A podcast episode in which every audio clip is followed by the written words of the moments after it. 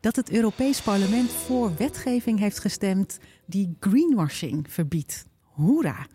Dat ik met mijn agentschap op een uitje ging. Heel leuk, we gingen naar Vrienden van Amstel Live met z'n allen in één bus. Dat was al heel duurzaam, maar er was ook heel veel snoep mee. En dat toevallig daar ook best wel wat zakken vegan snoep bij zaten. Was ik heel blij mee. Daar zat dus geen varkensgelatine in. En dat dat ook ongeveer de populairste waren. Dus apenkoppen en biggetjes en zo. Heel fijn. En dat topacteur Eva van der Gucht in een interview in het Parool zei... toen het over meningen over je postuur ging en corrigerend ondergoed... Als het alleen gaat om hoe iemand vindt dat een vrouw of actrice eruit zou moeten zien, dan denk ik: nee, hou op. Daar heb ik geen zin in. Ik hoef niet gecorrigeerd te worden. Echt zo blij van. Dit zijn een paar van de duurzame dingen die mij raakten deze week. Maar wat beweegt mijn gast als het over duurzamer leven gaat?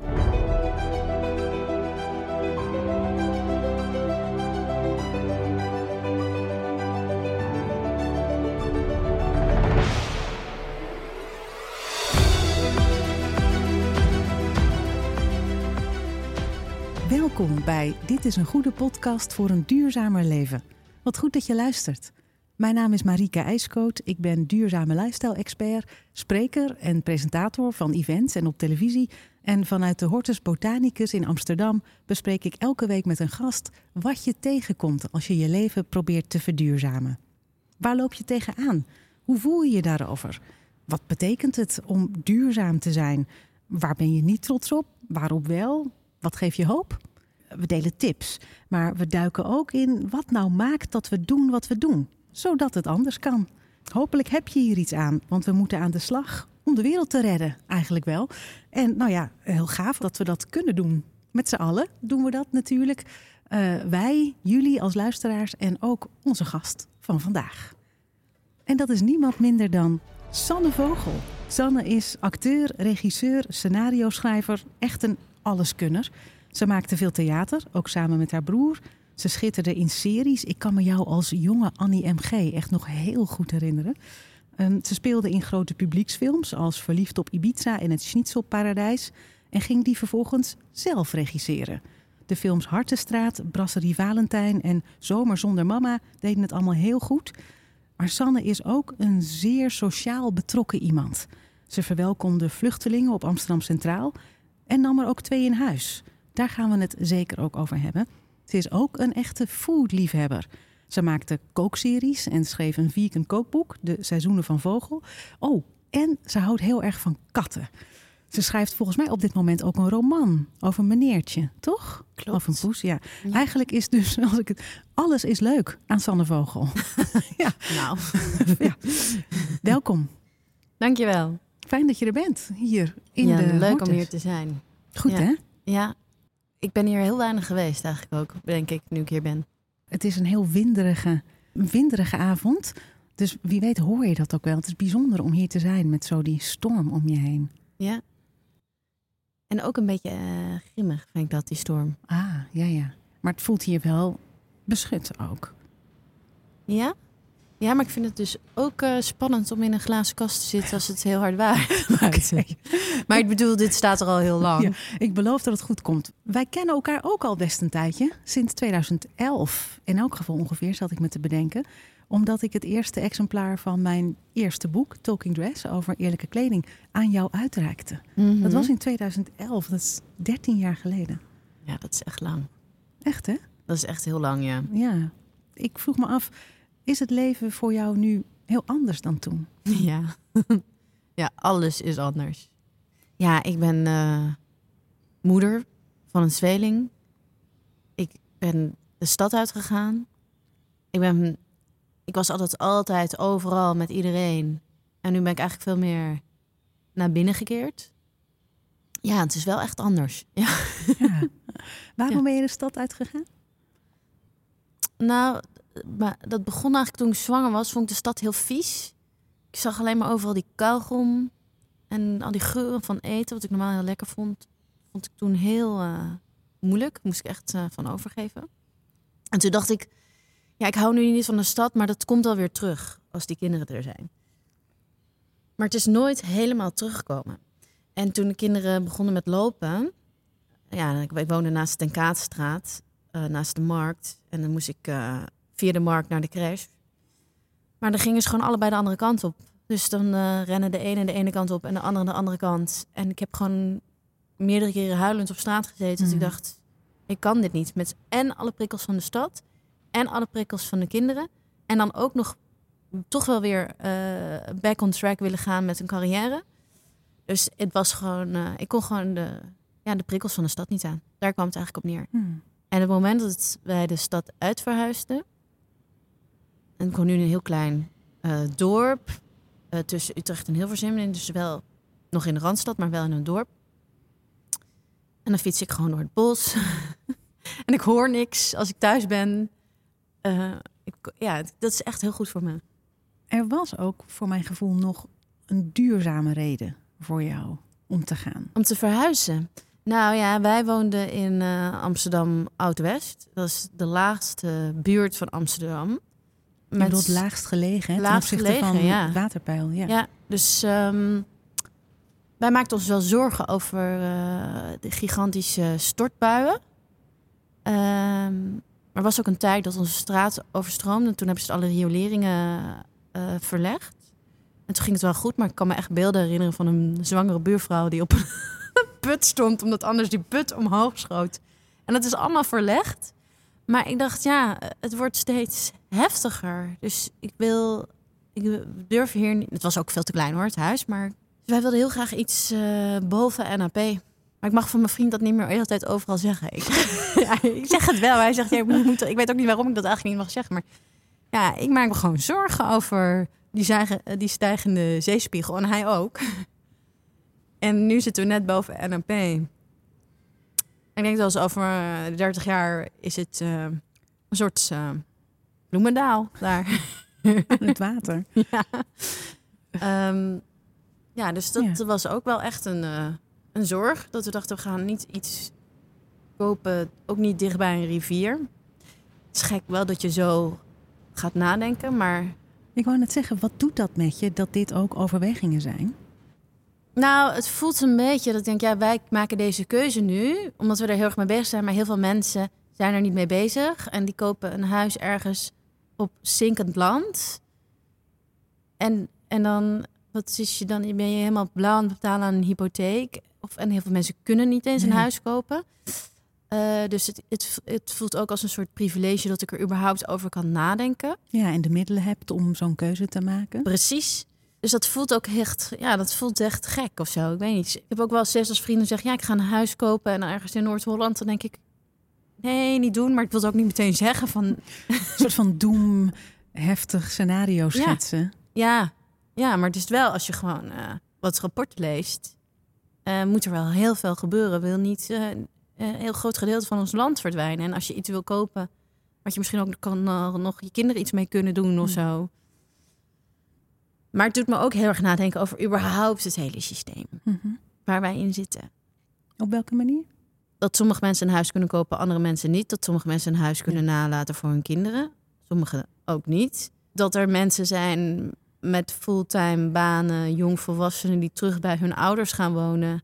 Omdat ze anders dat ze dan kunnen sparen. Omdat ze dan misschien een huis kunnen kopen. Ehm, ik was 24 toen ik mijn eerste huis kocht. Het waren de totaal andere hypotheekvoorwaarden. Als ik het drie jaar later had geprobeerd, had ik dat niet kunnen doen. Hmm. Hoe oud ben je nu? Bijna 40. Ik dacht toen gewoon heel erg, ik moet een eh, huis kopen.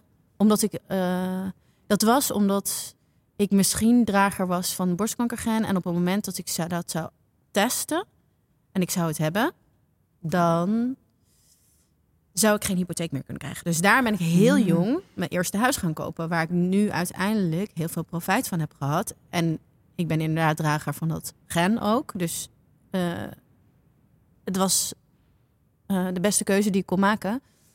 Maar die keuze is er helemaal niet meer voor mensen. En bijvoorbeeld ook niet als je hier nieuw in het land komt. Dan al helemaal niet. Het doet mij namelijk ook denken aan je huis openstellen voor vluchtelingen. Misschien voor wie luistert, neem, neem ons moet even mee stellen. terug naar hoe dat nou ging. ja, oké. Wat maakte me heel erg zorgen? Dit was, wanneer was dit? 2018 denk ik. Hoogtepunt van alle bootjes die constant naar Griekenland kwamen met eh, vluchtelingen, vooral uit Syrië, maar ook uit Irak en soms ook uit de Afrikaanse landen. Ja. Ik zag die hele tijd beelden op de, tele, de televisie en op, op eh, social media van die bootjes die maar aankwamen met al die mensen.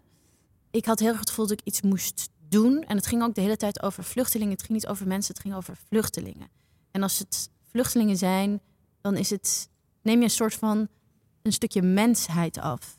En toen ben ik op een gegeven moment op Centraal Station elke avond gaan helpen. Want eh, via een vriend van mij hoorde ik dat er heel veel treinen eh, aankwamen in Amsterdam. Want de grenzen naar Europa waren open. De, grenzen die heel lang dicht waren, die gingen op een gegeven moment open.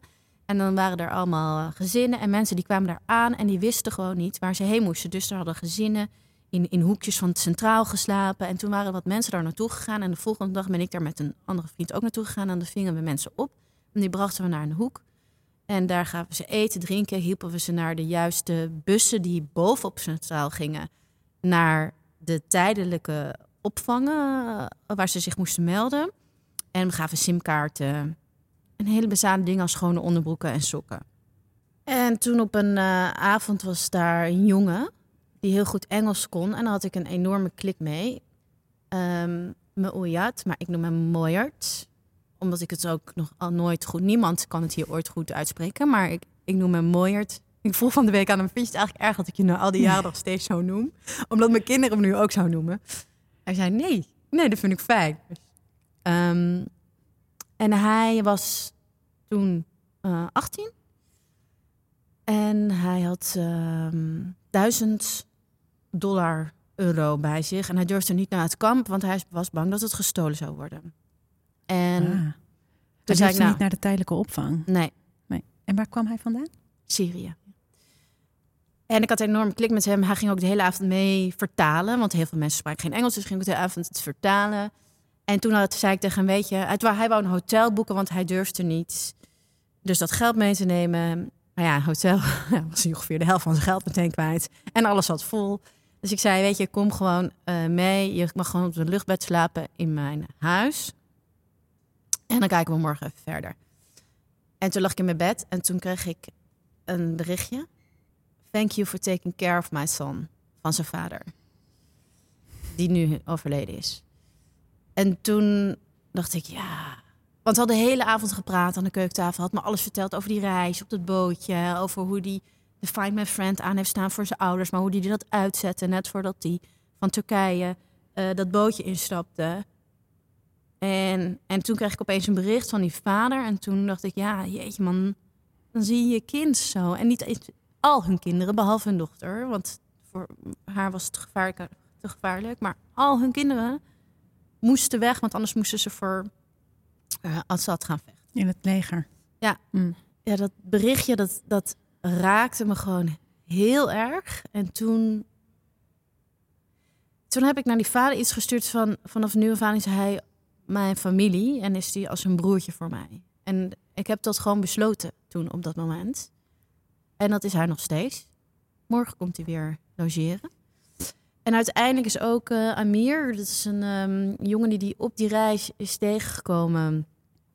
Eh, die is ook bij mij komen slapen. Uiteindelijk zijn, is die, hij, was, hij was dan naar het tijdelijke kamp gegaan. Dat was een, ja, het kamp is een naar woord, hè, maar Ja. dat is hoe zij het zelf noemen.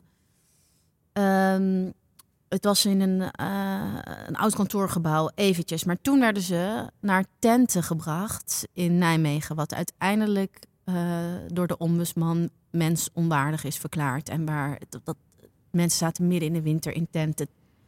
was echt heel deprimerend. Ehm, dus op het moment dat ze daarheen moesten, heb ik ze opgehaald.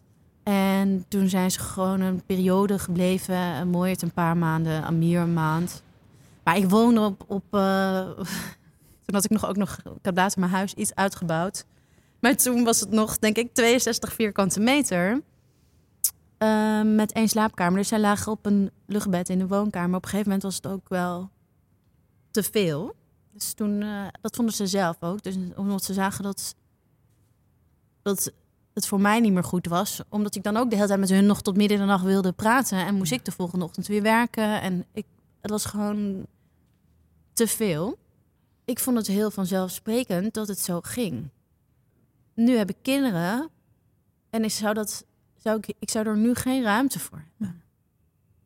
Terwijl het nu ook heel hard nodig is. Ja. En ik voel me daar ook schuldig over. Ik wou net zeggen, ik kan me voorstellen dat dat een bepaald...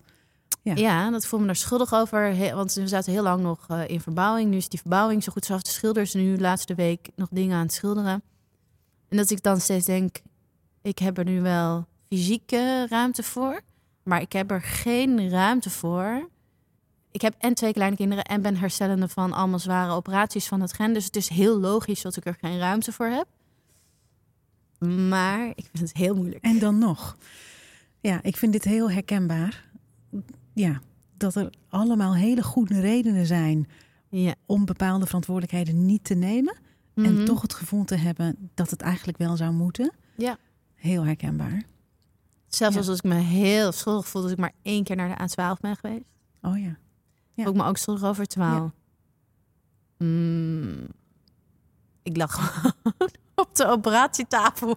En ik heb zelfs mijn laatste operatie twee weken verzet... zodat ik in ieder geval nog naar de, de belangrijkste kon. Maar het is nagaan. ja, Ja. een enorm schuldgevoel... Ja. dat ik vind dat ik dan te weinig Te doe. weinig doen. Te Ja. weinig doen. Dus Ja. laten we het er even over hebben. Ja, Dat dit gebeurd is. Je hebt de beslissing, je hebt een beslissing genomen. Ehm, je bedoelt qua operaties? Mhm. Nou ja, eh, wat ik dus net al zei, ik ben de drager van het gen eh BRCA1. Of tenminste, eh, het is een mutatie dat je dan, dan iedereen heeft dat, dat gen, maar het is een mutatie daarvan. Ik weet ook nooit precies hoe je het goed moet uitleggen. Maar ik had 80% kans op borstkanker en tussen de 40 en 60% kans op eierstokkenkanker vanaf mijn 40ste. En die borstkanker, kans had ik eigenlijk al vanaf ja, 25 of zo. En dat liep ook steeds meer op. Mijn oma is daar aan overleden. Mijn tante is daar aan overleden. Heel veel zussen van mijn oma zijn er ook aan overleden. Eh, die heb ik dus ook nooit gekend. En ik heb heel lang gedacht, ik laat het lekker niet testen. Want ik heb borstcontroles elk jaar. En ik leef in een tijd dat ze je toch wel makkelijk beter kunnen maken als je er snel bij bent. Totdat ik eh anderhalf jaar geleden weer voor zijn borstcontrole ging. Ik werd teruggeroepen door de arts. En ik dacht, nu is het mis. En die zei, niet schrikken, er is niks mis. Maar waarom laat je het niet testen?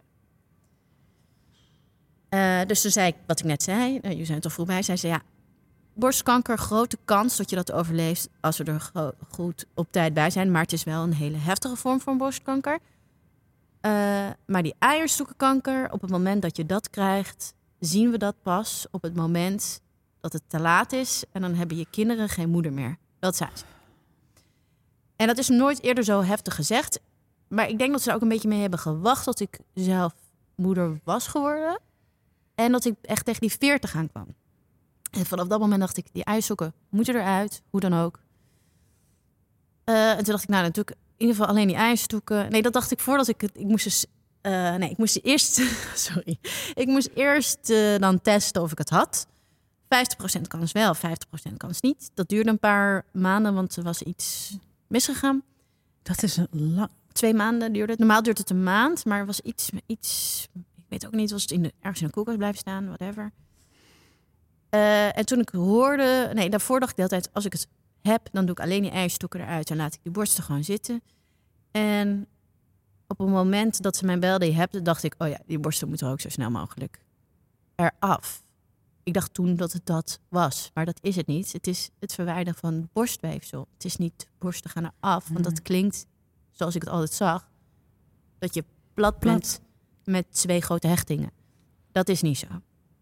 En toen begon er een heel lange zoektocht naar hoe of wat. En ik wilde zo snel mogelijk die eierstokken eruit. Maar ik was erachter gekomen dat je een operatie kon doen. Dat je geen siliconen hoefde als je eh, eh, reconstructie wilde. Maar dat ze je eigen lichaamsvet konden gebruiken van je buik. Nu had ik een tweeling in mijn buik gehad en een soort verschrikkelijke zwemband die ik niet wegkreeg. Dus ik dacht, mooi. Dan is die nu nog nuttig voor iets. En, ehm, en dat bleek ook zo te zijn. Dus echt mijn hele buik. eh, ja, die hebben ze gebruikt om, eh, om, om borsten mee te maken. En pas daarna konden mijn eierstokken eruit, want dat gaat door hetzelfde gebied. Ah. En het kan zijn dat je anders aderen raakt die je nodig hebt, want het moet allemaal aan elkaar gemaakt worden voor de bloedsomloop. Ehm, Je, je vertelt het redelijk monter, wel. ja, Maar het is super. Ik, heb, ik ben door allemaal fases geweest en het is super, het is super pittig. poeh, Maar het is eh, zo. Ja, dan moet het toch gaan, maar het is gewoon zo'n geluk. Ja. Dat ik dit kan doen. En dat ik niet, zoals mijn tante, de kinderen kwijt of achter moet laten. Of zoals dat mijn kinderen niet geen wezen hoeven te worden, zoals mijn vader het is was. fantastisch. Dus Ja. al deze operaties zijn zwaar en shit. Ehm, niet leuk, maar ik ben zo dankbaar dat dit kan. Ehm, dus het is. Het is. Ja, het, is, het was gewoon een heel heftig jaar, afgelopen jaar. Eh, waarin je dus ook heel veel op een soort reservebank aan het wachten bent. Totdat je weer kan gaan Totdat leven. je weer kan. Ja, Ja. dat je kinderen weer kan optillen. Dat je naar een A12 kan gaan. Af kan gaan. Dat je gewoon, dat je hersenen het weer doen om gewoon goed te kunnen schrijven. Gewoon, gewoon alles staat even op stil. Maar dat is één jaar. En dan krijg ik dus een heel leven voorbij terug. Want ze hebben uiteindelijk ook wel gevonden de eerste onrustige cellen op mijn eileiders. Ja. Dus de kans is heel groot, zegt de gynaecoloog, dat als ik dat er twee jaar mee had gewacht, dat dat gewoon eh, geen onrustige cellen meer waren. Maar echt ontwikkelde kankercellen. Ja, dat is Ja. wel. De, de kans is wel heel groot dat het dat was geworden. Ik bedoel, het is niet 100% Het kan ook kunnen dat dat gewoon onrustig daar was gebleven. Maar hij zei.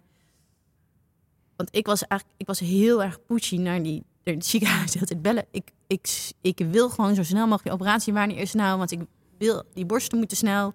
Want die eierstokken moesten eruit. Ik wist gewoon die eierstokken. Vanaf het moment dat die vrouw dat tegen mij zei, dacht ik, die dingen moeten eruit als ik het heb. En eigenlijk op het moment dat ze dat tegen mij zei, wist ik ook wel dat ik het had. Ik wilde het niet, maar ik wist het wel ergens. Intuïtief. Heel gek. Maar goed, dat waren dus een beetje obstakels. Eh, van afgelopen jaar. Om bepaalde dingen te doen die ik wil. En dan moet je ook eens bedenken, al die operaties, wat dat kost aan, eh, aan plastic Aan spullen. dingetjes. Ik heb En- een item gemaakt voor Binnenste Buiten over, over operatietafels en kamers. Ah. En hoeveel er wordt weggegooid en alles. Ik weet het. Ik zie jou zo liggen daar met al deze gedachten. Over Oh, dat je op de slangetjes A12 en moet. En alles, alle, ehm, alle plastic en alle handschoenen en alle blauwe doeken. Mhm. En alle, alle scha alles wordt weggegooid. Alles, alles. En die hele steriele kamer Ja. met al die lampen en Alles. Alle, en, en- Ja. ik bedoel, dat heb ik allemaal Ja. genomen. Ik heb dat allemaal. En terecht. dat, dat mag jij nemen. Ja, Ja, want je bent er nog. ik ben er nog en eh, ik ben ook niet van plan om te gaan de Nee. komende 40 jaar. You better not. Nee, Nee. we hebben Nee. je nodig. Sta je hierdoor er ook anders in? In hoe je over duurzaamheid of zorgen voor de wereld of de mensen denkt? Ik heb rare gedachten. Of rare gedachten. Ik heb, denk er soms wel eens over na. De volgende generatie, misschien zelfs mijn dochter, maar daar wil ik het eigenlijk helemaal niet over hebben, want ik wil helemaal niet over haar hebben in dit geval. Maar kinderen die ook drager zijn van dit gen, normaliter wordt het beter wat ze voor je kunnen doen. Het moment dat ze mij vertelde, toen ik 18 was, oké, misschien heb je het gen. En als je het gen hebt, dan eh, nou, gaan de borsten eraf. Was er nog, was, dan was het nog plat. Al die jaren later konden ze al borsten maken zonder siliconen, wat echt mooie borsten zijn. Normaliter zou dat dan steeds nog beter worden en nog beter en nog beter. Maar op het moment dat we bezig zijn met zorgen dat dit land niet overstroomt, Hm. hoeveel ruimte is er dan nog voor, voor die operaties? Voor überhaupt mensen die ziek zijn? Mm, Daar denk ik wel over na. En dat is natuurlijk ook op heel veel plekken in de wereld al aan de hand. Dit is de realiteit inderdaad hè, voor veel mensen. Ja. Dit is de realiteit als je bedenkt, eh, nou ja, bijvoorbeeld een, een plek als Syrië, waar als je kanker hebt, er niet eens morfine is. Of nu in- Gaza is het natuurlijk extreem. Hoe meer plekken op aarde onleefbaar worden, hoe meer mensen er op een klein stukje moeten leven, hoe meer er ruzies en oorlogen en Ja, conflict en tegenover elkaar staan. En... Ja. Ja, dus ik maak me er echt, echt zorgen over. Dit doet me denken aan een vraag die we voor je hebben gekregen. Vraag ook Ja. altijd aan luisteraars Ja. om eh, Ja. je een vraag te stellen. Hier komt een vraag voor jou van Patrick. Hoi Sanne, Patrick hier. Ik denk dat de meeste mensen wel weten dat jij een zware tijd achter de rug hebt. Maar iedere keer als ik iets over je lees, dan blijf je toch maar gaan. Ook voor de wereld. Ik vind dat enorm knap en daarom ook de vraag. Hoe houd jij hoop? Als ik de handdoek in de ring gooi, dan wordt alles zwart.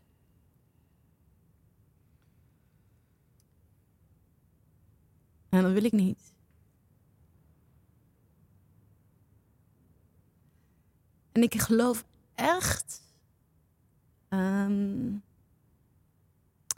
ik geloof echt dat we met z'n allen iets kunnen veranderen. En ik moet het ook wel geloven, want ik heb gewoon twee vierjarigen. En ik zie, ik zie heel veel kleine dingetjes. Steeds meer mensen die voedselbossen gaan bouwen. Steeds meer mensen die plantaardig gaan eten.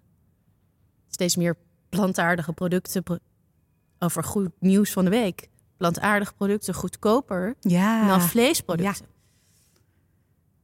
En aan de andere kant zie ik ook afgrijzelijke dingen waar, waarvan ik niet had gedacht dat die nog ooit zouden kunnen gebeuren.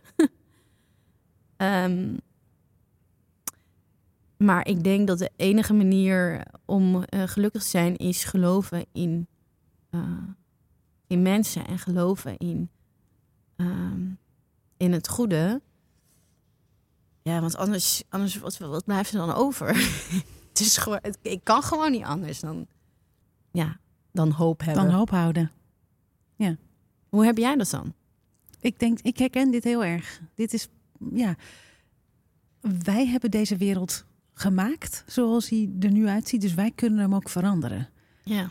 En ik heb inderdaad in de afgelopen twintig jaar ook al, nou ja, ik, zo lang ben ik zo'n beetje bezig, ruim twintig jaar in duurzaamheid, al zoveel zien veranderen. Mhm. Als ik terugkijk, Mhm. Ja, toen ik begon in duurzaamheid, ehm, een van de dingen die ik deed, is ik werkte bij een organisatie die de Schone Klerencampagne heet voor Mhm. betere arbeidsomstandigheden in de kledingindustrie. Toen ik daar ging werken, vroegen mensen aan mij: Je hebt aan de universiteit gestudeerd, waarom ga je bij een stomerij werken? Dus dat, dat, dat soort dingen gebeuren nu natuurlijk niet meer. Mhm. Dit onderwerp is, staat op zo'n andere manier op de kaart. Ehm, het is zo, eh, ik zat in de auto met een crew laatst voor binnenste buiten en het hele nieuws ging alleen maar over klimaat en duurzaamheid. Ehm, er zijn zoveel mensen nu op een heel andere manier mee bezig. Het is zoveel geaccepteerder om activist te zijn. Ehm, dit gaat allemaal niet snel genoeg, zeker niet. Maar tegelijkertijd, als ik terugkijk, is er al zoveel anders en zijn er zoveel meer initiatieven, rechtszaken, wetgevingen. Dit is wel echt het moment waarin er een omslag mogelijk is. Dat, dat voelt voor mij echt zo. En He- Heb je dat, dat bedenk ik nu, nu je dit zegt. Eh, hoe heet zij nou ook? Ooit aten we dieren. Roanne van Voorst. Ja. Ja. Die schrijft...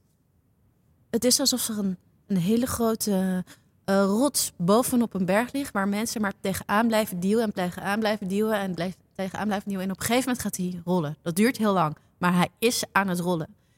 Dat schreef zij. En dat heeft mij zoveel hoop gegeven. Want dat zie ik steeds. Dat heeft mij zo Ja, geholpen. Het is dat, precies, ja, je hebt ik, precies zoals ik het voel. Mooi omschreven, dank. Ja. Ja, dat is ik het. niet. Nee, maar dat je dat hier even, dat Ja. je Roanne even met haar mooie Ja. citaat hier, eh, hier inhaalt. Ja, heel goed. Mm. We zijn er al behoorlijk ingedoken. Mhm. Heel fijn. Ehm, om het ook soms wat kleiner te maken, Mhm. vind ik het ook wel fijn om eh, een worsteling van de week te bespreken. Mhm. Want er gaat heel veel goed en er is heel veel goed te doen. Mhm. En tegelijkertijd zijn we ook allemaal mensen Mhm. die ook zelf proberen ja, de juiste keuzes te maken. Ja. En dat hebben we allemaal. En ik wil niet het, het idee soms geven hè, dat het perfect moet. Nee, helemaal Want niet. dat kan niet. Dat kan niet, nee. Oh, zou ik iets vertellen wat ik heb gedaan? Ja. Ik heb echt iets, echt. ik heb tussen kerst en oud en nieuw. Oké, ik ben heel erg gaan googlen, want wij zijn zijn dus in eh, verbouwing bijna klaar. Ik heb nul meubels, lampen. We zijn het aan het googelen op... eh, ik moet even om je lachen. ja, op lampen. Van, ehm, nou, ik weet ook niet meer hoe die heet. Paul Polsen of zo heet het. Nou ja, van die, van die mooie, ze maken ze ook nieuw, maar je hebt vintage, hele mooie lampen. Ben ik aan het googelen. En dat weet dat algoritme. Ah. Maar hij maakt ook soort kleine, soort bloempotlampjes, die echt belachelijk duur zijn. Eh, en die heb je vintage en die heb je nieuw. En opeens tussen kerst en oud en nieuw. Ik eh, was slecht aan het slapen en ik had ook een beetje maandjes gedronken. En toen werd ik getarget op Instagram met die lampjes. Maar dan waren het twee voor 70 euro. Toen dacht ik, oh ja, maar ik wil die zo graag. Ik koop die gewoon. Ik heb nog nooit iets gekocht voor Instagram. Want ik weet eigenlijk donders goed dat dat nooit goed kan zijn. Dat het altijd gekke dropshipping is of zo. Maar ik was een soort verblind. Dus ik bestel ze. En ik swipe verder. Zelfde lampjes. Vier voor de prijs waarvan ik er net twee had gekocht. Toen dacht ik, nou, dan koop ik die ook. Dit is echt heel erg, want ik, ik doe dit nooit. Ik koop altijd alles in een, eh, hoe noem je dat? Eh, eh, kringloop of Ja. van een Nederlandse makers. Of ik, ik, ik doe niet zulke dingen, maar ik was gewoon een soort blind. Verblind als je doet. Ja, dus de eerste twee kwamen aan. zijn echt rotlampjes, want ze doen het helemaal niet goed. En, eh, en die anderen die kwamen maar niet. Die kwamen maar niet, die kwamen maar niet. Zijn er nog steeds niet. en nu krijg ik dus vandaag eindelijk die track and trace. Ja, het staat vast in China. Oh, ik denk echt, oh, nee. het is gewoon ook allemaal helemaal... Ja. Het gaat uit China. Wat heb ik gedaan? Eh, dus ik ben gewoon in een soort... Ja, een soort konijnenhol gelopen, zeg maar. Ik Ja. weet niet, ik ben er gewoon in, Ik ben in- ingedoken. Ik ben er gewoon... En dan zit ik er met mijn goede gedrag. En ik heb gewoon een soort, in een soort blinde vlek heb ik dit gedaan. Ik wil dit. Ja, maar ik wil het Nee, helemaal niet. helemaal Ik ben, maar ben nu ontzettend aan het balen. Ja. Ehm, Dat is toch wel mooi, hè? Dat je dan op dat moment voelt, ik wil het en ik doe Ja. het. En eigenlijk, Nee. het voelt gewoon helemaal niet. Je wordt Nee, er niet blij van. Het is verschrikkelijk. Het slaat het helemaal nergens op. Het slaat echt nergens op. Dus nou ja, dat... eh, Nou, dat is Ja. Menselijk. ja, dat Dat doe je dus ook nooit meer, denk ik. Nee, dat doe ik ook nooit. Nee. Nee. nee. Mijn worsteling gaat ook over sociale media of eigenlijk, nou ja, online platforms.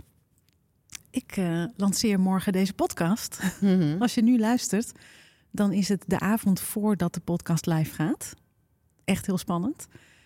Dat kan ik niet doen zonder platforms als Spotify, bijvoorbeeld. Eh, YouTube, weet je, dat soort. De kans is groot dat je dat misschien ook dit nu luistert Mhm. op zo'n platform. Ja, als je daar een beetje over gaat nadenken, de eigenaar van Spotify, een miljardair echt, die ehm, probeerde in Zweden de regering onder druk te zetten om de belastingen voor ehm, bedrijven te verlagen met zo dreigen dat ze anders weg zouden gaan. Er is natuurlijk ook heel veel gedoe op Spotify altijd over dat de artiesten niet genoeg royalties krijgen en dat dat eigenlijk helemaal niet. Ja, dat is, ik moet het misschien eigenlijk helemaal niet zeggen als je dit luistert, maar het ze, ze, ze- eh, volgens mij, dus ook een, ik geloof dat er een serie ook is op Netflix nu, denk ik. Nou, Mhm. ergens ook over deze man. Ehm, Spotify of hij zelf, of nou ja, heeft ook iemand vertelde me dit dat ze ook geld investeren in AI voor, eh, voor oor- oorlogsdoelen. Nou ja, dat soort. Gewoon allemaal niet oké. Ehm, en sowieso dat je dan op deze platforms, want het brengt natuurlijk geld in het laadje van grote corporates. Mhm. Ik wil heel graag zoveel mogelijk mensen bereiken met gesprekken en inspiratie over duurzamer leven. Dat, dat kan ik niet doen zonder in zee te gaan met deze platforms.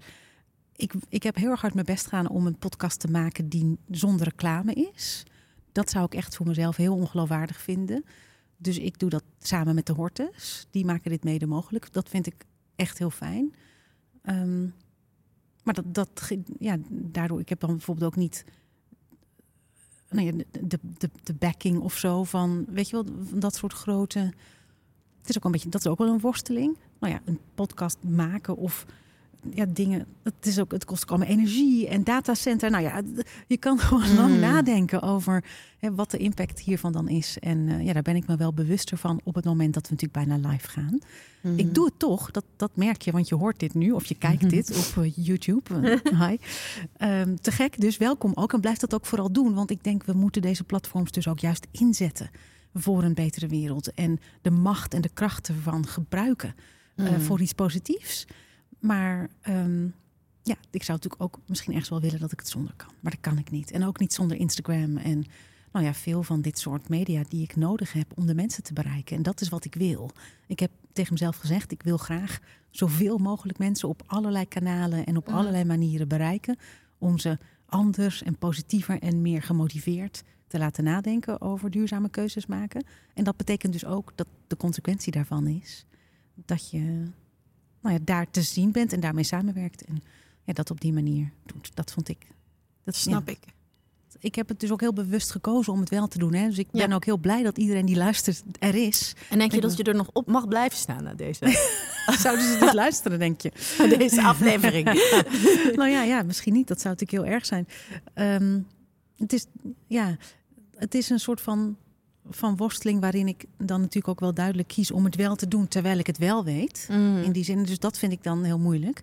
Maar ik ben tegelijkertijd dus ook heel blij dat iedereen er is. En dus hiernaar luistert, bijvoorbeeld naar dit soort Ja. content Ja. eh, op die platforms. Om dan hopelijk ja, datgene wat je misschien meekrijgt waar je wat aan hebt in te zetten. Om Mhm. het beter te maken. Dat is dan natuurlijk een beetje de bedoeling ervan. Ja. Maar eh, ja, ik denk daar dan wel over na. Goed, laten we verder gaan.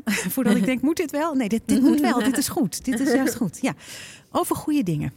We bespreken altijd een paar vaste Mhm. onderwerpen in deze podcast. Waarvan de eerste is, wat is je duurzame doel? Een heel fijne ervaring met iets duurzaams doen. Iets waar je blij van werd of wat je misschien iemand wil aanraden. helemaal veganistisch gaan eten. Ik ben nog nooit. Nee, dat is niet waar. Is niet dat ik, ik wou zeggen, ik ben nog nooit zo gelukkig geweest. Maar het is wel een van de meest gelukkige ervaringen in mijn leven. Het moment dat ik besloot om van vegetariër veganist te worden. Waarom besloot je dat? Ehm, ja, weer zo'n dramatisch verhaal. Maar ik was bevallen van een kindje na vier maanden. En ehm, daar had ik heel veel verdriet van. Want het was nog een heel klein, onaf eh, mensje. En toen las ik het boek. En ja, knikte de koe. Of de knoe- koe knikte ja. Erik Schumacher, historicus. En dan was stond er zo'n scène in over hoe een moederkoe huilt als het kalfje wordt weggehaald. En toen dacht ik, ja, die heeft gewoon een, een volwaardige zwangerschap uitgezeten. En dan wordt gewoon hup dat kind afgepakt. En ik zit hier al een paar maanden te janken om, eh, om een, eh, zo klein, niet eens volwaardig eh, vergroeid. Ik heb het kindje nooit ontmoet. Zij hebben dat kindje wel ontmoet. Wat ben ik aan het doen? Waarom eet ik dit nog? En ik wist dat altijd. Maar ik deed een beetje, ja, maar veganistisch, dat is een beetje extreem. Ik was ook op mijn twaalfde vegetariër geworden, dus nou ja. En het moment dat ik dat deed, want ik had thuis al heel veel plantaardig, maar het moment dat ik het echt helemaal deed. En elke keer als iemand iets tegen mij erover ging zeggen van eh is extreem, vertelde ik dit verhaal en dan hield iedereen ook meteen zijn mond. Want dit kan je niet, dit kan je niet meer iets over zeggen van stel je niet aan of whatever. Want het is gewoon, dit is gewoon wat het is voor mij. En ik was zo blij bij alles wat ik at. Want met alles wat ik at, had ik geen enkel dier verdriet gedaan. En dat is zo een bevrijding. Dat is zo last die van je afvalt. Dat is zo heerlijk. Dus heb ik nu nog, ik heb dan nu bijvoorbeeld ehm, een eh, wollen trui aan. Dus ik heb dan nog wel vintage eh, wol en gerecycled wol. Maar ik doe ook geen ehm, nieuwe wol. Geen nieuw wol meer. Nee, dat doe ik ook niet meer. Ehm, maar dat eten, het voelde ook alsof alles schoon werd in mij. En dan weet ik niet of dat een soort mijn brein is die zich schoon voelt, omdat er geen leed meer door mijn lichaam gaat. Zo voelde dat. Of omdat het gewoon al die dierlijke vetten niet meer binnenkwamen. Ehm, en ik ken beide, zo, ja, misschien allebei. Maar ik ken zoveel mensen die zeggen: ja, ja, ik weet het wel, maar ja, ja, ik vind het zo lastig. Eh, ja, die kaas, die kaas. Altijd. Ik hoorde eh, Patrick ook. Ja, die kaas. Patrick Martens. Ja. ja. Ja, die kaas. Ik hield ook echt heel veel. Ik hou nog steeds heel erg van kaas. Ehm, maar niet meer van dierenkaas. Maar van ehm, plantaardige kaas. Heb je een tip voor Patrick? Ja. Eh, ja, zeker. Eh Roos en Rivier maakt weer af en toe een klein beetje. Maar ik was in Parijs. Oh, Oh ja. oh dit is ook een Oh, doel. ja. Dit is ook, Ja. Ik heb nog een doel. Ja. Ik ben dus eh, in december. Ik had al bedacht. Mijn kinderen werden 28 december waren ze jarig. En ik had al bedacht. Of waren ze jarig, werden ze vier. Dus gingen ze in januari naar school. Ik had het bedacht. Als mijn ki- kinderen net voordat ze naar school gaan, nemen we een maand vrij. Of je maand geen crash betalen. En dan vliegen we lekker naar Bali. Dan ga ik een maand op Bali zitten. Maar ja, hoe groot die kinderen werden, ik dacht, ik kan niet naar Bali vliegen. Ik kan toch niet naar Bali niet vliegen? Dat, dat, ik kan niet in een, eh, in een vliegtuig eh, stappen meer. Tenminste, ik ben met hun wel een keer naar Portugal net voor de operatie gevlogen. Daar voel ik me totaal kut over. Dus ik had besloten, ik ga nooit meer met een vliegtuig. Ik ga echt nog heus wel een keer met een vliegtuig, maar het liefst zo min mogelijk. Dus nu had ik gezegd tegen mijn vriend, we gaan op treinvakantie. Nou, die had helemaal, helemaal geen zin in. Tot ik maar over door bleef gaan en door bleef gaan. En allemaal research had gedaan op Instagram. Mensen op tips heb gevraagd. Toen zijn we dus met de trein naar Parijs gegaan. En van daar een paar dagen gebleven. En toen met de trein van Parijs naar Barcelona. Daar wel een auto gehuurd. En zijn we hebben daar in de middle of nowhere een eh, huis bij een natuurwijnmaker. Het was echt fantastisch. Maar dat op vakantie gaan met de trein en kinderen, dat is fantastisch. Dat is echt, dat is hetzelfde gevoel als dat al dat dierenleed niet meer eten. Toen ik dan met zo'n terugzakje, met twee kinderen zo, met zo'n terugzakje over het station liep in Parijs. Het was zo heerlijk. En dat je naar buiten kijkt en dat je flamingo's ziet en, en, en mooie natuur en bergdorpje. Het is echt fantastisch. Maar goed, het kwam eigenlijk over die kaas, want daar was ik dus in Parijs. en daar heb ik een hele, hele lekkere, bizar lekkere, de lekkerste soort ja, brie-achtige nog, nog beter dan alles wat ik ooit aan, aan, aan heel... eh, ik, en ik heb heel veel lekkere dingen gegeten. Die ga ik naar Patrick sturen, maar dan moet hij dat eten als hij in Parijs is. En er is in We Utrecht... zetten het ook in de show notes, dit allemaal. Dan kunnen de, andere mensen dit... in, in de show notes. Ja, er ook zit in, in, in, Utrecht een winkel Puur en Loos. En zij verkopen ook hele lekkere veganistische kazen. Echt een goeie. Ja. Ja, ik weet niet meer hoe zij heet die dat maakt. We gaan Maar dat zetten we er ook zetten. in. We zetten het erbij. Ja. ja. Nou, oké. Oké. Lang verhaal. Nee, hele heerlijk. hele ik- lange ik- podcast. Ik zit er echt helemaal in. Als je ook eh, aan het luisteren bent, ehm, ik hoop dat je ook voelt, zeg maar, ik zeg. Zoveel eh, positieve Emoties, energie. van alle ja, kanten zeker, maar ook eh, vooral veel ja, blijdschap over hoe lekker je kan voelen door duurzame keuzes maken. Dat Ja. is natuurlijk gaaf. De andere kant van een duw is natuurlijk een don't. Ja. Iets misschien wat je iemand niet zou aanraden of een dilemma dat je hebt, wat, iets wat Ja. niet lukt. Of... Ja, ik heb iets wat echt niet lukt. Want ik heb dus dat huis gekocht in een dorp. En dat is, eh, die tuin, dat is één grote betonnen plaat. Oh, Maar ik dacht, we gaan eerst verbouwen. En dan slopen we dat, laten we dat beton eruit halen. En dan kan ik daar een, eh, een tuin maken, een echte tuin. Want dan kan het water weg, dan kan ik planten planten. Ik ben ook, afgelopen jaar was ik groenburgemeester. Het gaat ook over vergroenen. En ik heb zelf die afgrijzelijke plaat nog in die tuin liggen. Dus het kan gewoon echt niet. Maar nu kwam er dus iemand... Sowieso is het geld op. Alles is op. Dus ik moet opnieuw eh, gaan sparen. En het was ook ongeveer vier keer zo duur om het eruit te kunnen halen dan we hadden bedacht. Want er zit nog allemaal gewapend beton onder. Dus Oh. het gaat echt heel erg diep. Dus als iemand een tip heeft, wat moet ik nou doen? Het is echt verschrikkelijk. Ik kijk uit, mijn, mijn- uit uit mijn huis en ik zie gewoon een betonnen plaat. Ik heb al wat bakjes erop staan. Ehm, nou, dat is, dat is mijn tips enorme... voor Sanne om dit op te lossen. Hoe Deze- los ik dit op? Ja, kan ik het zelf? Wat, Oh ja. wat, eh, ja, dat kan ik natuurlijk helemaal niet. Het is met, met grote machines en zo. Ja. maar ik, ik had toen we dat huis kochten, gedacht ik ook van... ja, wij kopen dit, want ik ga dit groen Wij maken. gaan dit vergroenen, ja. En dan is ook, ja, dus voor mensen, denk er wel over na. Als je zo, ik weet niet hoe vaak het voorkomt dat je een tuin vindt als een betonnen plaat is. Maar het is niet zo makkelijk als je denkt. Is Dat is misschien, niet- misschien is het meer een tip dan, Ja, ja. dan adviesvraag. Ja, een waarschuwing. Ja, het is een waarschuwing. Alhoewel ik ook denk, doe het vooral wel. Want Ja, want het, verander het. Ja, verander het. Dat is ook niet helemaal wat ik me had voorgesteld bij jouw huis in een dorp buiten de stad. Ik had Nee, dat, dat, komt omdat allemaal... het, eh, dat is een soort oud timmerfabriekje. Oh.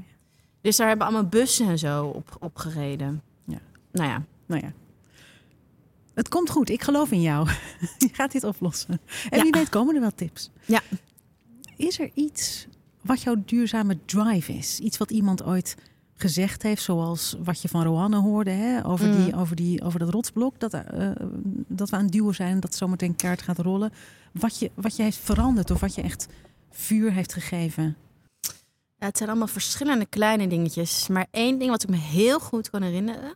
Toen was ik eh, twaalf en toen was Angela Schrijvert eh, als Kim eh, vegetariër goede tijden, slechte tijden. Angela Schrijf. Ja, dat vond ik zo vet. Ik dacht, dat doe ik ook. Dat ga ik ook doen. Maar meer Cool. omdat ik dacht, dan doe ik iets cools. Dat was het vooral. Ik dacht, dan, dan ben ik een soort...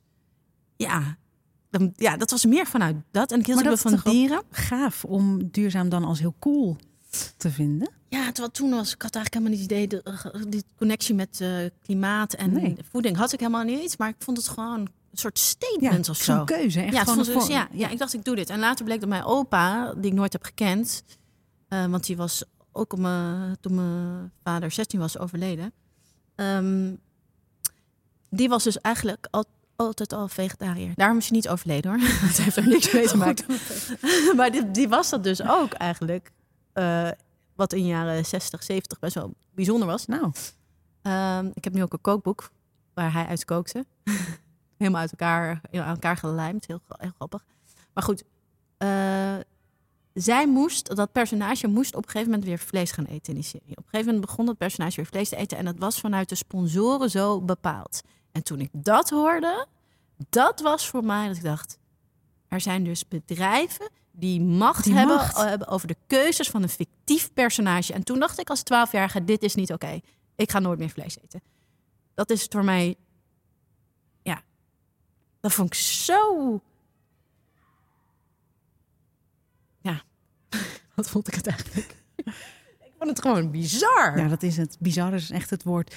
Ik zou nu ik, wil in het universum gooien dat het te gek zou zijn om Angela Schijf dan in de podcast te hebben om te weten hoe dat voor haar was. Ja. Lijkt me ook Ja. heftig. Nou, ik heb haar wel eens eh, gezegd. Ik heb, ik, ik heb ook met haar man gewerkt, heel lang geleden. Dus toen heb ik het ook wel eens tegen haar gezegd. En een van de eerste dingen zei van, je moet wel je B12 slikken. dat deed ik niet. Ik had ook allemaal tekorten, omdat ik geen idee had wat ik moest Nee. doen. Ehm, Je was twaalf. Dus ja. ja, ik was Logisch, twaalf, ja. ja. ja. ik had geen idee. En je had toen eh, alleen maar van die balletjes. ja, en een paar schijven. Ja, ook wel tofu natuurlijk, Ja. maar... Nee, dat, ja. ja, Ik ben ook zo begonnen. ja, ja. geen idee, toch? Nee. Dus, Maar je hebt eh, het ook wel tegen haar gezegd. Ja, ik heb het wel eens tegen haar gezegd. Ja, een paar keer ook wel. Ze weet dat ook wel. Maar het is ook alweer allemaal heel lang geleden. Dat is het. Ja. Ja. dat is het. Heb jij een duurzaam duiveltje? Iets waar je je voor schaamt misschien? Iets waar je je zorgen over maakt? Ik, ik schaam me voor heel veel dingen. De auto. Wij wonen in een dorp. Maar ah, nee, het begon eigenlijk al in Amsterdam. Vroeger had ik een auto no- wel nodig, omdat ik dan op tour ging met theater. En dan s'nachts, als je dan terugkwam, dus treinverbindingen er niet meer waren of slecht waren. En dan als, ik deed ook veel solo's als meisje alleen. Maar op een gegeven moment eh, deed ik geen theater meer, had ik die auto eruit gegooid. En toen eh, kreeg ik eh, een tweeling. ja. Ja. Ja, Ja, ga maar met een tweeling en uh, twee baby's in een trein met Alle allemaal spullen. spullen. Je, je kinderen naar je ouders brengen om te logeren. Nou ja, is, dat kan niet. Dus toen, eh, mijn ouders hebben heel vaak op en neer gereden. Ja, dat kan je ook niet meer vragen. En op een gegeven moment hebben we een auto gekocht. Eh, Een oude eh, benzine nieuwtimer en zo groot mogelijke bak waar al die bedjes en dingen in konden. Die is inmiddels in december heeft hij een eind aan gemaakt. gepensioneerd. Ja, wat ik heel fijn vond. Ja. Ehm, want ik wilde er ook vanaf. En dan wilde ik heel graag elektrisch, qua duurzaam. En nu hebben we een eh, elektrische auto geleased. Want ik kan gewoon niet zonder auto. Hmm. Tenminste, dit niet dan, dan kan ik helemaal niks meer aan mijn werk doen. Dus het is. Maar ja, die elektrische auto's, ja, die batterijen, Batterijen. dat is en dat vind ik verschrikkelijk. Ik- Ja. Hoe dat, dat daar moet iets in veranderen. Ja, de grondstoffen die daarvoor nodig zijn, de manier waarop die gemijnd worden. Ja. Eh, ja, dat is een. een En dat vraag ik me ook af over mijn zonnepanelen. Over alles verduurzamingen wat ik aan het doen ben, is constant ook van hoeveel mensen leven wordt hierdoor kapot gemaakt. Dus dat vind ik heel erg lastig. Dit is echt iets wat, wat urgent moet worden opgelost, denk Ja. ik, in de transitie. Ja, dat moet echt worden opgelost. Zo snel mogelijk. Ja. Dit, dit, wij kunnen niet weer doen wat we al zo lang doen.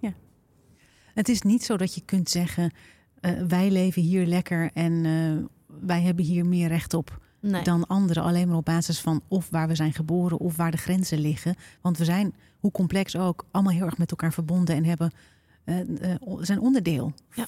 van het systeem en Ja. de situatie. Wat is jouw duurzame droom? dat die batterijen op een eerlijke manier gemijnd kunnen worden of op een andere manier opgelost kunnen worden zonder dat allemaal andere mensen eronder moeten lijden. Ja, dat snap ik heel goed. Die behoefte. Ja, Ik moet alles zeggen. meteen iets zeggen. Ja. Dat de verduurzaming die we nodig hebben, Niet ten koste gaat. ja, van andere mensen. En de aarde ook. Ja. Ja. ja. Ja, dat is eigenlijk natuurlijk wat het zou moeten zijn. Ja. Ja. Ja. En dat we niet te snel ook vallen in de, in de trap, in de trap, wou ik zeggen. In de muizenval. In de muizenval, ja. Van dat we hetzelfde systeem in stand houden, maar dan met andere producten. Ja. Dus we hebben echt een ander systeem nodig. Sorry. Nu zit ik jouw droom ook in te vullen. Ik Nee, nee, nee. Ik raak nee, je hebt gelijk. Nee, je hebt gelijk. Nee, dat is, ja. maar goed, ja, dat. Ja.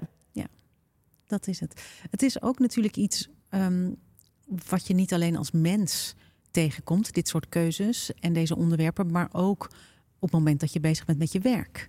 Mhm. Ik heb daar een vraag voor jou over van presentator en acteur Erik Korton. Dag Sanne. Hoi, Erik Korton hier met de vraag. Eh, je schrijft, je speelt zelf, je hebt een theatergezelschap, je doet van alles en nog wat. Ehm, en, en onze sector, de, de, de culturele sector, eh, heeft volgens mij, daar zijn heel veel mensen die zich met, met, met duurzaamheid bezighouden. Maar voor jou, hoe als schrijver bijvoorbeeld, is het iets wat een onderdeel uitmaakt van jouw denkproces? Of, of, of bestaat dat niet als schrijver? Heb je het gevoel dat je het altijd ergens zo via de achterdeur toch een beetje in moet, in moet duwen? Of houd je dat helemaal niet bezig in je teksten? Dat is eigenlijk mijn vraag. Ja, eh goede vraag.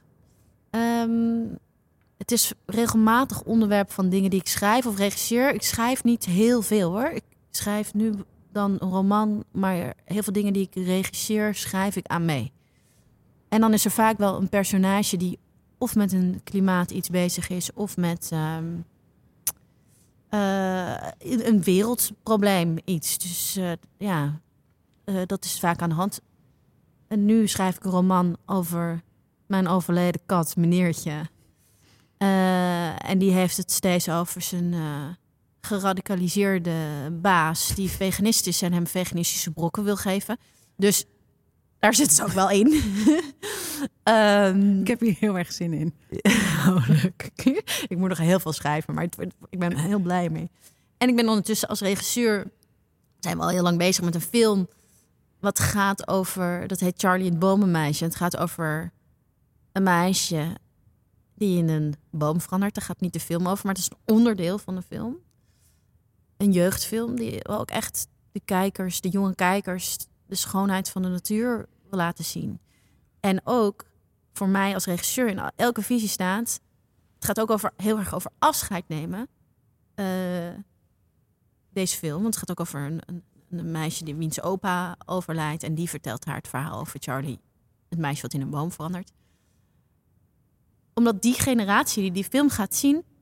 van heel veel afscheid zal moeten gaan nemen. Heel veel dingen die er zijn nu, zullen er niet meer zijn. Dus het is eigenlijk op dit moment in eh, alles wat ik maak eh, wel gaande, ja. Ja, het is een, een thema wat nu in, ja, op veel plekken in je leven speelt. Mhm. Ja. We vragen onze gasten ook altijd om een vraag natuurlijk weer door te geven. Mhm. Dus ook aan jou. Wat zou jij willen weten van presentator Sosja Duisker?